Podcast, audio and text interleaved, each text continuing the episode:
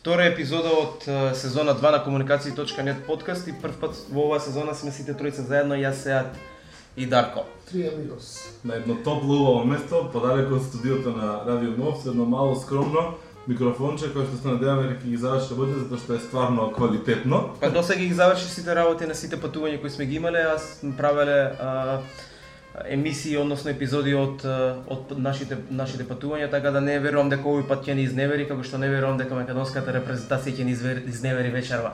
Апсолутно не сме да не изневери македонска репрезентација. Вечерва Под тоа- изневерување не разбирам дека има како изгуба, туку изневерување значи дека ако не ја изиграат играта Да, која како што што треба. како што треба, Како како што што треба. сега, да. пошто ја не да изгубат. Демек направивме договор дека нема премногу да правиме муавет за кошарка конкретно, затоа што некој што го слуша понатаму подкастов нема да биде интересно, ама едноставно не можеме, затоа што премногу не обзема. Денес е денот. Денес е денот, ние снимаме епизода малку порано, вие можете да ја слушате подоцна или кога сакате на комуникација.нет. Значи сите тројца заедно, секој со свое списоче со некакви теми, настани, статистики, бројки, истражувања кои што сака да ги искоментира. Но еве како најстари, како најнинџа сеат ќе има чест прв да воведе една тема на муавет па да скршиме копија тука. А, ако се брои темата која што ја загатнавме у договарањето на емисијата, тогаш јас одма ќе ја фрлам на масата е дека треба македонската јавност да ја подсетиме кој беше пионир во реформите во природната на македонската кошаркашка репрезентација. Точно. Значи, Тоа беше една група на луѓе. Да, која што не не беа хейтери, туку конструктивни критичари кои што направија Facebook група со која што се направи притисок за смена на тренерот, бившиот тренер, кој што имаше сосема друга филозофија во играта. Значи вика, офанзивна. Јас се одов да ја најдам, да групата, ја најдов групата, кој што вика сменете го Јовица Арсич и во описот на групата креаторот неизин кој што а, искрено па не знам ни кој бил, пишува very talented Macedonian basketball team needs to change its less than mediocre coach Јовица Арсич. Uh, доста некомпатибилен, бла бла бла, не нити uh, коучува, односно нити тренира, само вика и не бил квалификуван за да а, тренира нити еден просечен кошаркарски тим, што сега до Кузовски го докажа дека ние не сме просечен кошаркарски тим. Значи, она што беше македонската репрезентација во времето на Арсич беше сосема спротивно од она што го гледаме сега и што е мощно и успешно. Значи, тоа беше еден офанзивен тим кој што одеше на тројки. Иначе оваа кауза, оваа кауза за војна на вестината има само 23 членови, од кои 10 ги регрутирал нашиот драг колега Мите Кузевски, но тоа не значи дека не сме имале влијание затоа што мислам дека а, Каракаш беше еден од иницијаторите на овој подвиг. Да, да. И така се тргна и гледате до Така се тргне и така сега стасавме до четврт финале. Да. А тоа е нормално, Јовица Арсич е типа српски е, тренер кој што само знае да вика, ништо ништо повеќе. тоа ми- Колку повеќе викаш, толку подобар тренер си. Да, Да, истина. тактиката беше шут, шут, шут. Да, сега е одбрана и Дефенс, дефенс, Да.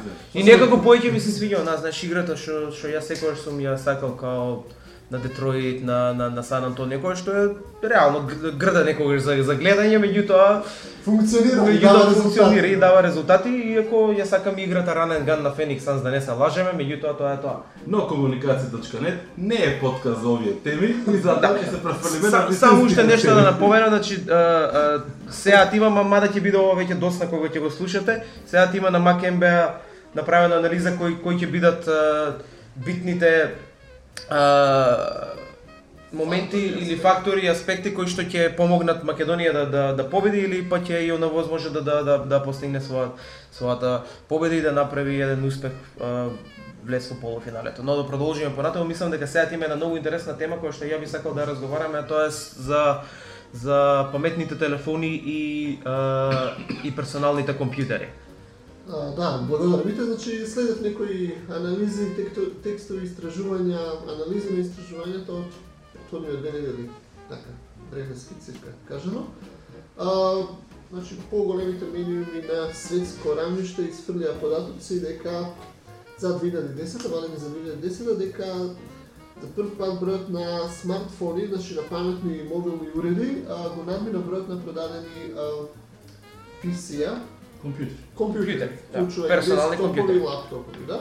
Значи првата бројка е 100 милиони продадени смартфони во 2010, додека PC-а 92 милиони. А, немаше објавено бројка на таблети, а, но сумарно може да се каже дека заедно смартфоните и а, таблетите во голем број ги надминува бројот на продадени PC. Значи ова е прва година што се случува ваков тренд и анализите на експертите на светско ниво а, сега а, се движат во насока дали е време да се прогласи така наречен PC post age, односно крај на доминацијата на персоналните компјутери, дали времето на доминација на мобилните уреди веќе почна од 2011.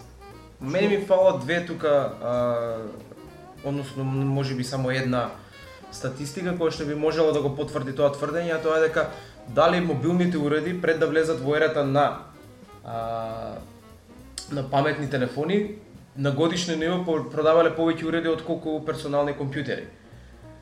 И дали само ова не е замена на на, на старите Да, мислам дефинитивно дека продавале повеќе, само што Да, се дефинитивно тоа со број. треба да се Да. потврди. И сега тврдењето дека дека паметните телефони го со тоа што надминале бројката на, на, на продадени персонални компјутери, дека значи влегување на пост PC ера, дека е преизбрзано затоа што а, мобилната индустрија и мобилната технологија с, го направи тоа да, да потрошувачот на редниот телефон што ќе го купи, односно да посакува паметен телефон. И сега кога посакува паметен телефон, е тоа што што најверојатно паметните телефони го ја надминале бројката. Односно само ги замени на оние телефони што претходно ги знаевме и дека не е баш така а, целосно промена или шифтање од Ја мислам дека ја мислам дека може да се да со таблетите, убаво кажа сега со таблетите да се отвори таа нова пост компјутерска или пост персонален компјутер ера. Меѓутоа на тој начин ќе се малку измени и самиот начин како се организираат луѓето и животите на луѓето затоа што а, а немање компјутер дома од една страна значи дека нема да киснеш толку многу пред нешто што седи на страна на маса или во скут или слично ќе ти замени многу повеќе и ќе помогне многу повеќе за во конвергенција од аспект на конзумирање на медиуми. Значи, ако претходно беше тешко да седиш пред PC статично во соба, која што најчесто не беше дневна соба, туку некаде друго место, па требаше да пуштиш телевизор или музика независно или да а, не знам, CD на компјутер па некаква комбинација да правиш. Денеска со мобилни телефони, особено со таблети, веќе се се се се врти околу тоа дека не е битно кај си што си, дека имаш хоризонтална или полухоризонтална позиција, што од една страна па ми дава до а, некаква предпоставка да да дадам сам заклучок дека може би луѓето ќе успеат малку повеќе да поделат работа и дома. Да, од аспект на тоа дека овој уред ќе биде многу повеќе за забава и за онака за слободно време, за лижер што викаат нели американците, да се изразам ја модерно. А, и нема да нема да помислуваш толку многу на работа. Туку ќе помислуваш на читање на информации, на читање вестници, на конзумирање видео содржина, на забава, на игри, отколку нели класика имејл, одговарање имејлови, пишување текстови, правење на документи, не знам, Excel табели, извештаи за на работа. И тоа од една страна ми се малку допаѓа затоа што ќе може повторно да се врати онаа ситуација кога не значи дека имаш компјутер си на работа нонстоп, туку сега ќе имаш таблет, па не на нели не обавезно тоа значи дека дека работиш, туку многу повеќе се забаваш, што всушност за дома и би требало да биде некако така. За нормално зборуваме за оној класичен дел од пазарот кој што е во основа најголем, каде што луѓето и одат на работа, работат пред пред компјутер, имаат некои обврски работни таму, доаѓаат дома и нормално не сакаат да го, да го прават тоа преку главање веќе и сега дека ќе може конечно да го да пробаат да го направат тоа. Така да од тој аспект може би ќе станува збор за во иднина поголемо користење на некакви а, не знам апликации кои што се повеќе забава, комбинација на инфо, информации, забава и слично, отколку на некакви апликации или активности на таблети а, и на телефони кои што се а, за работа. Значи такви нека апликации. Немам, немам, само е нека моја така базична предпоставка што би можело да се случува. Не сме многу далеко, јас сум, како да кажам, предпазливо скептичен. Може би овде во оваа бројка што е дадена постои една скриена димензија, тоа е дека векот на употреба на смартфоните е многу покус од PC-ата. Значи, поголемите корпорации, компании како и да е, изфрлуваат барем 3-4 модели годишно. А, Apple тоа го прави барем еднаш годишно, сега се нивните корисници дури 14 месеци го користат iPhone 4 И така, мислам дека последните информации што ги слушав дека така ги Тоа е предолго за предолго за нивните корисници за нивните корисници. да. навестува дека во октомври ќе излезе тој фамозниот iPhone 5 и дека страдањето на iPhone 4 корисниците конечно ќе заврши. Значи можеби е конзумеристички, статистички, како да кажам, извртувачки тип на податок. Сега да се каже дека смартфоните добиваат на значење само со тоа што повеќе се купуваат. А, да речеме дека имејлот ја има онаа позиција каде што денес некои му оспорува дали ќе изумре имејлот, дали со- social media, социјалните медии ќе го преземат брзата комуникација, ќе го истисне имејлот, но останал фактор дека да речеме имејлот е примерно средство за бизнес комуникација, значи за Да, да. кореспонденција и слично така, значи не е ни на поведок дека имејлот ќе биде исфрлен од секојдневната употреба, само поинаку се Како ни регуларната пошта што не се исфрли долго Да. време. И нема ни да се Нема ни да се исфрли, да. Така што може би PC уредите ќе бидат попримарни за работа, за како да кажам, за професионално трошење на времето пред компјутер и слично. И за пасионирани играчи. И за Значи, пасионирани геймери играчи слично, да. кои што купуваат графички картици по 500 евро. Добро, мислам, сепак мислам дека дискусијава многу е порелевантно да се води на тема таблети, PC, Да, персонални се согласен, компјутери, отколку да. мобилни телефони, смарт телефони и Затоа што реално ограничени се паметните телефони, колку и да да сакаме да тврдиме дека многу работи правиме на нив и тоа се случува, значи многу работи правиме на нив, меѓутоа кога станува посериозна работа сите бараат веднаш да седнат на Јасно. на на PC, значи не не не можеме да зборуваме за дека паметните телефони може да ги ги заменат, ќе ги заменат е, Да, мојата единствена дилема е дали ќе се специализира, да речеме да биде таблетот за забава или за читање, а, а смартфоните за забава, а за работа PC-та и слично. Значи дали во таа смисла некако ќе се приоритизираат тие нивни функции, но во секој случај јас се согласувам со вас дека нема ниту еден од нив да пропадне или да биде исфрлено. Барем не скоро. Да, барем не скоро. Да, да. Мене ја размислувам во кој правец може да се развиваат смартфоните. Да речеме, не знам дали се сеќавате дека мене ми фали waterproof смартфон.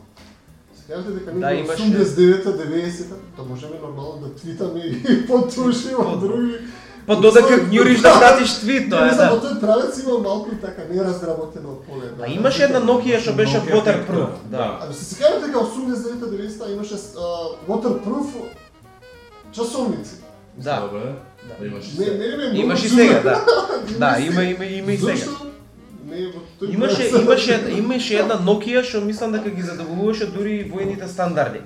Војните стандарди. Значи можеше да удриш од зид, можеш да ставиш во кофа со со вода да стои да стои да да нагазиш. да, да, да, да нагазиш и така натаму и ги задоволуваше дури и војните војните стандарди. Меѓутоа не знам Шминкерските модели победија изгледа. Да, очигледно се тоа како се вика ова, цела вина е на на iPhone. Можеме да Да, знаеме, да, да, пошминкерски од динамика iPhone. Да. Заштитата е со, со целофанче да Да, згора. целофанче, да, да, да, да, Да. Мора тоа да биде така, за за за по повеќе девојки да може да го купат. дека има кути кои што се продаваат на пазар, кои што се waterproof за овие паметни телефони. Да, да, исто како што има, кои да. што можеш да ги Исто купиш. како што има за за фотоапарат да да купиш кутија во која што ќе го ставиш и да биде познат, Да, кој што можеш да го ставиш внатре и да биде да биде Ете, отворен слушателите на вода. комуникација.нет подкаст ќе следат будно а, на сеат кога му е роденден и ќе го изненадат со waterproof футрола на неговиот. Не, види, смартфон, добро. Да, има многу работи на пример што што фалат во а, Ја на пример би сакал ID да има апликација таква. Не само ти кажува кој те се туку што сака. Рече, се мите, ти бара позајмица. Што така? И Ти да знаеш, дали во тој правец може смартфонот да биде Го фати, го фати видеото на Сайнфелд кај што Да, објаснуваше за 50 апсолутно, да. Значи ти не сакаш те- да правиш муавет со луѓето, само Да. сакаш да да уживаш дека си битен кај луѓе за кои што ти не се грижиш, Да, кои што си ти е гајле. бе. Поврзан со. Не, види, може тоа може да се случи во а, она поврзување на на технологијата со со со биолошкото тело на Да, на, да, на Чекај, човекот. па у теорија не е воопшто тоа тешко, А не е треба воопшто, дозвола да. телефоните да им се мешаш ти у повикувањето, у повиците. Да, да. Што во суштина можеш да го заобиколиш со Skype или било кој друг а, voice over IP а, протокол, односно апликација. е, е, мислам Значи, Star Trek пред, пред да направиш кол сеат, имаш онакви преддефинирани Така, пет, да. пет различни опции, не, да. као стил ми треба итно, не ми треба итно, Да, или нешто да, да. слично, значи такви некои рандом најчести работи. Исто како што имаш ти опција на телефоните да автоматизираш порака, кој ќе направиш Да, да, кој ќе прекинеш повик, значи нема да го прифатиш, да автоматски испрати СМС Да. дека сум на состан.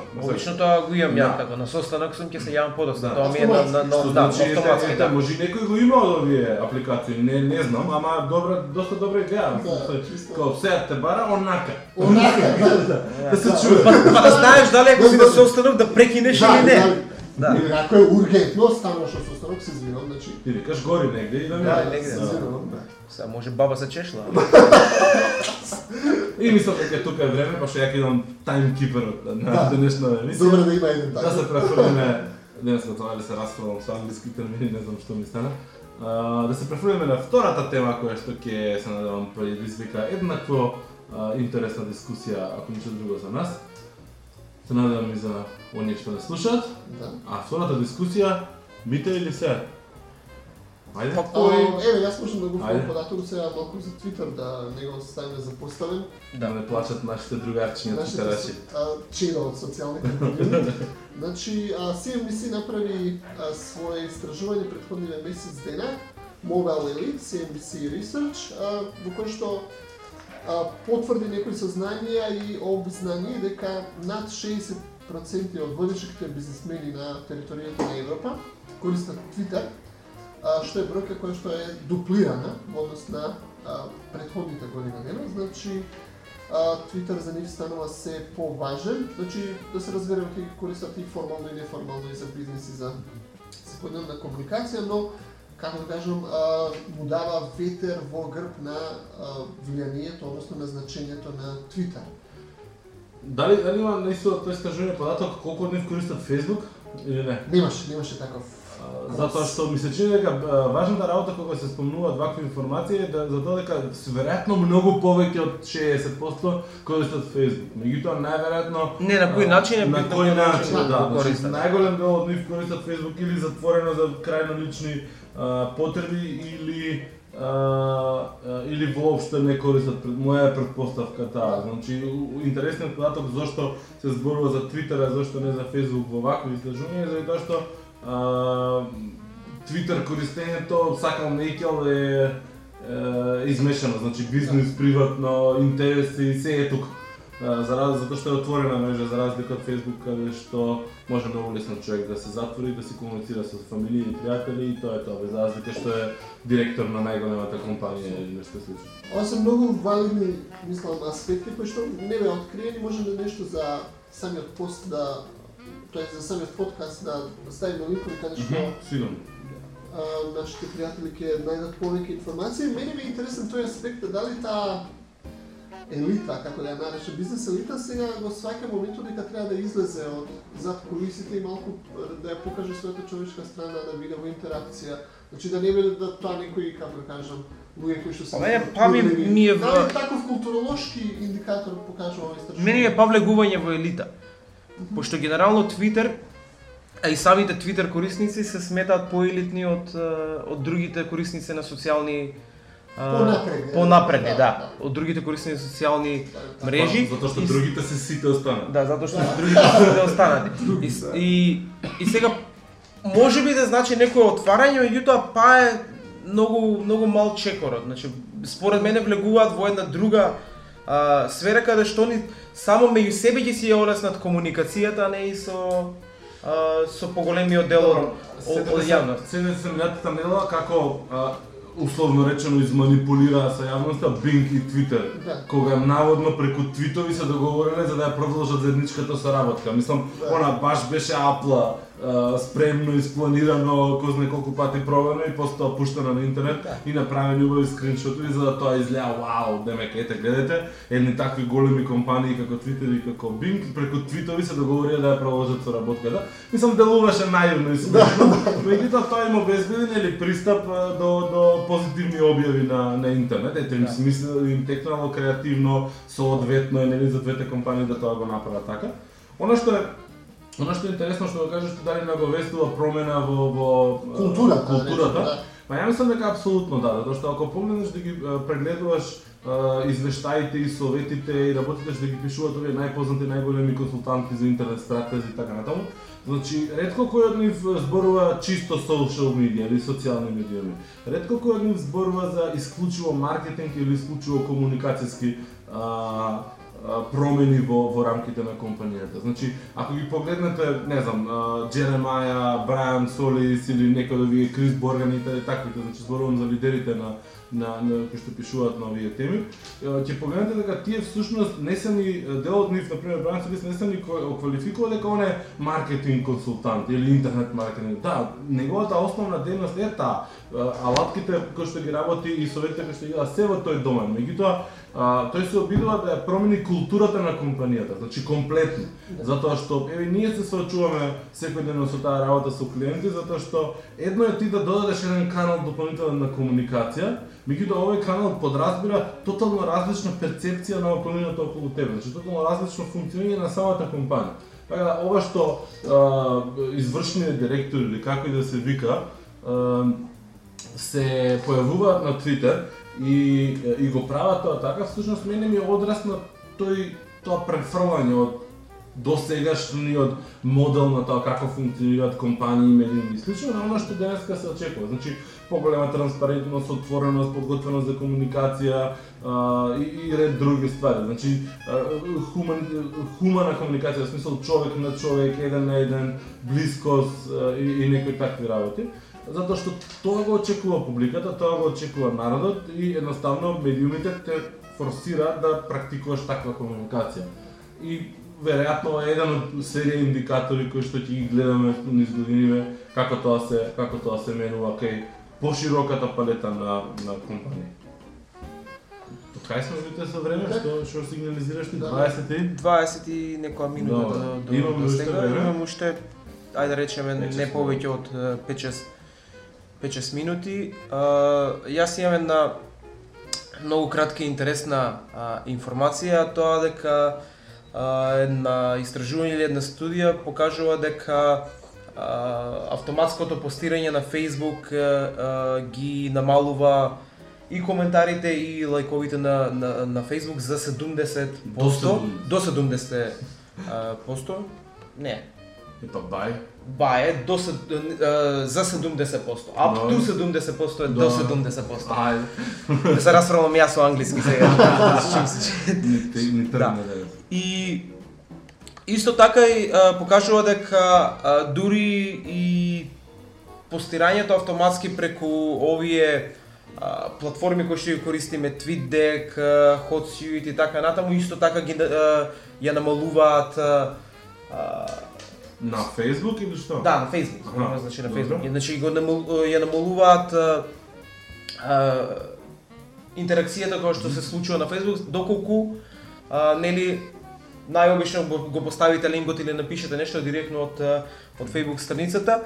И мене беше интересно тоа затоа што неколку пати сум се обидел да да испробам некој од овие сервиси да да постирам не автоматско, туку преку нив да постирам и мојата теорија зошто е тоа така е затоа што самите постови испратени преку овие е, други сервиси изгледаат многу погрдо отколку Да. кога ќе ги поставите Немаш а, контрола. Да, нема нема контрола врз објавата на содржината, ги немате она да можеш да кликнеш на дискрип на објаснувањето да да да, да си да си пополниш ти што сакаш, па да го промениш наслово дури ако сакаш на самото, туку ги извлекува автоматски како како што е многу често се случува да оние мета мета информации кои што е, би требало да ги содржи нели некој линк да ги нема убаво Јасно. да ги нема убаво подесено, па затоа мислам дека целата а, приказна зошто ов, овие помалце лајкови и коментари е затоа што не изгледа убаво а, оптимизирано Да. за, за, за, Facebook и затоа се намалува не, не тотално. ми доаѓа ова како изненадување затоа што е одлично искуство. Не, не е го изненадување, само сакав да го да Едно, да, едноставно е она потврда на на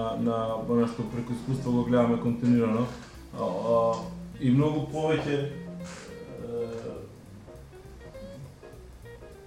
повеќе објавуваш содржини а, на овој начин без контрола а, каде и колку има потреба или нема потреба да, да се радат. Е, ако сме кај објавување сите жени, денес кога Саваја прочитав една интересна вест, а, Твитер ја проширува својата а, денес, односно про, а, огласувачка опција за промовирани твитери и е, лансира долго очекуваната алатка за анализа. Twitter Analytics, да. Твитер а, анализа која што многу а, многу недостасува а, до сега знаеме дека на Facebook е многу лесно анализата да се да се направи меѓутоа на на Твитер некако а, многу беше тешко да да да да, да покажеш колку импресии имало, па колку кликови имало. Сега имаше некои алатки, меѓутоа сето тоа беше заобиколување на на одреден одреден систем или некои си апроксимации по одредени методологии кои што се прават, меѓутоа не беше директно внатре од системот да можеме реално да видиме кои кои се а, кои се случувањата со со она што се случува на на на, на Твитер. Јас сега би, би отишол а, понатаму со извештајот на Нилсен а, во однос на социјалните медиуми затоа што што имаме уште малку време сакаме да ви кажеме според овој извештај американците каде највеќе го тепаат времето, односно каде највеќе го го трошат слободното слободното време или па не само слободното време, туку и она што би требало да биде Може би и работното време, да. Да, вече се работи за анкетата на Нилсен, доста реномирана агенција за објавување на такви типови на анкети, која што Ексклузивна информација, во Македонија ќе стартат стартуваат Нилсен со мерење онлайн. Да, Да, тоа е добра вест, месеци. Значи, Повеќе ова- детали следната на комуникацијата. ова како тизерче. Да, да. Да, значи Не беше ова, договорено.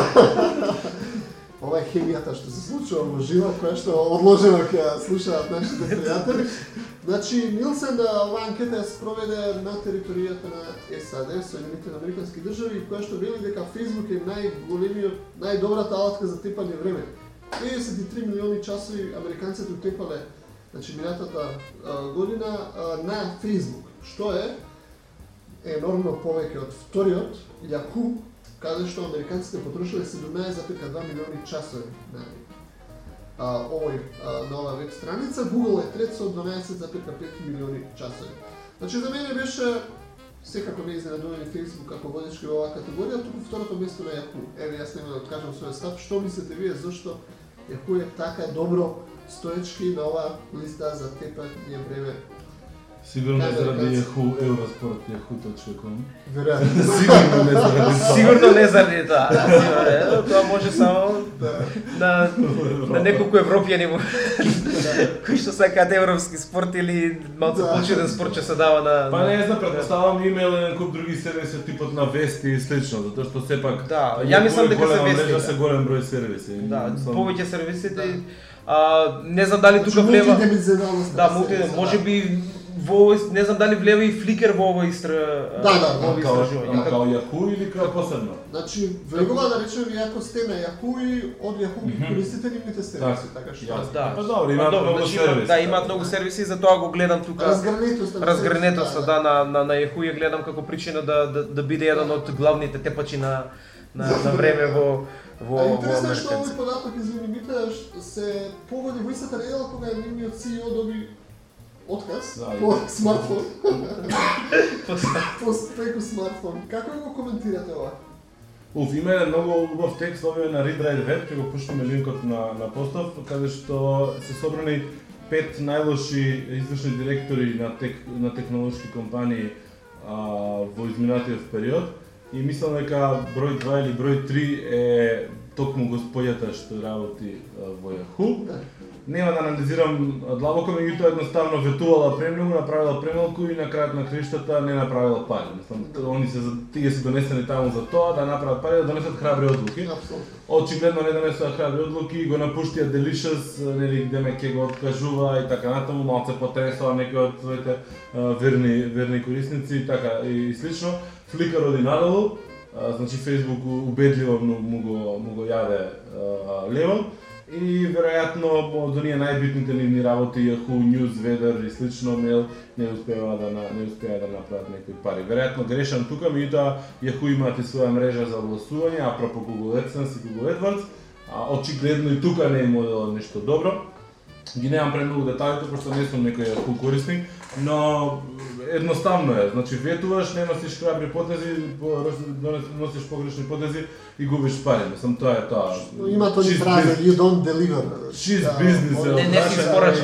тоа е тоа, да, да. што кажа. Интересна е листава со топ 5 најлоши најлоши извршни директори, пошто таму се вклучени и Балмер од uh, Microsoft и на HP менаџерот и на Groupon менаџерот, така да многу се интересни анализите, пошто нормално не е ова туку така само објавена листа, туку има доста анализа зошто е зошто се баш тие најлошите. Така да баш е во овој контекст интересна за како препорака за за читање. 30 минути помина, а, така да ова е крајот а, на денешното а, шоу. Меѓутоа сега нешто сака да каже пред, Дали си пред... имале некој гиковски виц во овие подкасти? Не. Мислам дека не. Мада најверојатно сме спомнувале Сега, нешто. Сеќавам се, не, не многу смешно, ствари многу туп виц, ама е гиковски. Дали може да се јавиме со Може. гиковски, значи... Апсолутно. Апсолутно. Особено ако е за iPhone. Не, за Facebook. Може, може. Значи, зависник од Facebook оди на психијатар и сега во дискусија со него се видува да се покаже дека е нормален, дека не е ништо страшно со него, дека неговата зависност е под контрола. И вика, зборувам јас со него се оди во ред, сите тестови, сите прагови на тестирање ги поминувам, се додека психијатрот не праша what's on your mind.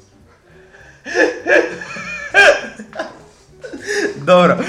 Значи се слушаме вечер најверојатно ќе гледате кошерка, меѓутоа можете да да преслушате а, емисијата, односно епизодата кога ќе објавиме на а, а, блок мрежата, така да пријатно од нас и се надеваме дека вечер ќе победиме и одиме во полуфинале. Одиме на победа. Добро. Чао.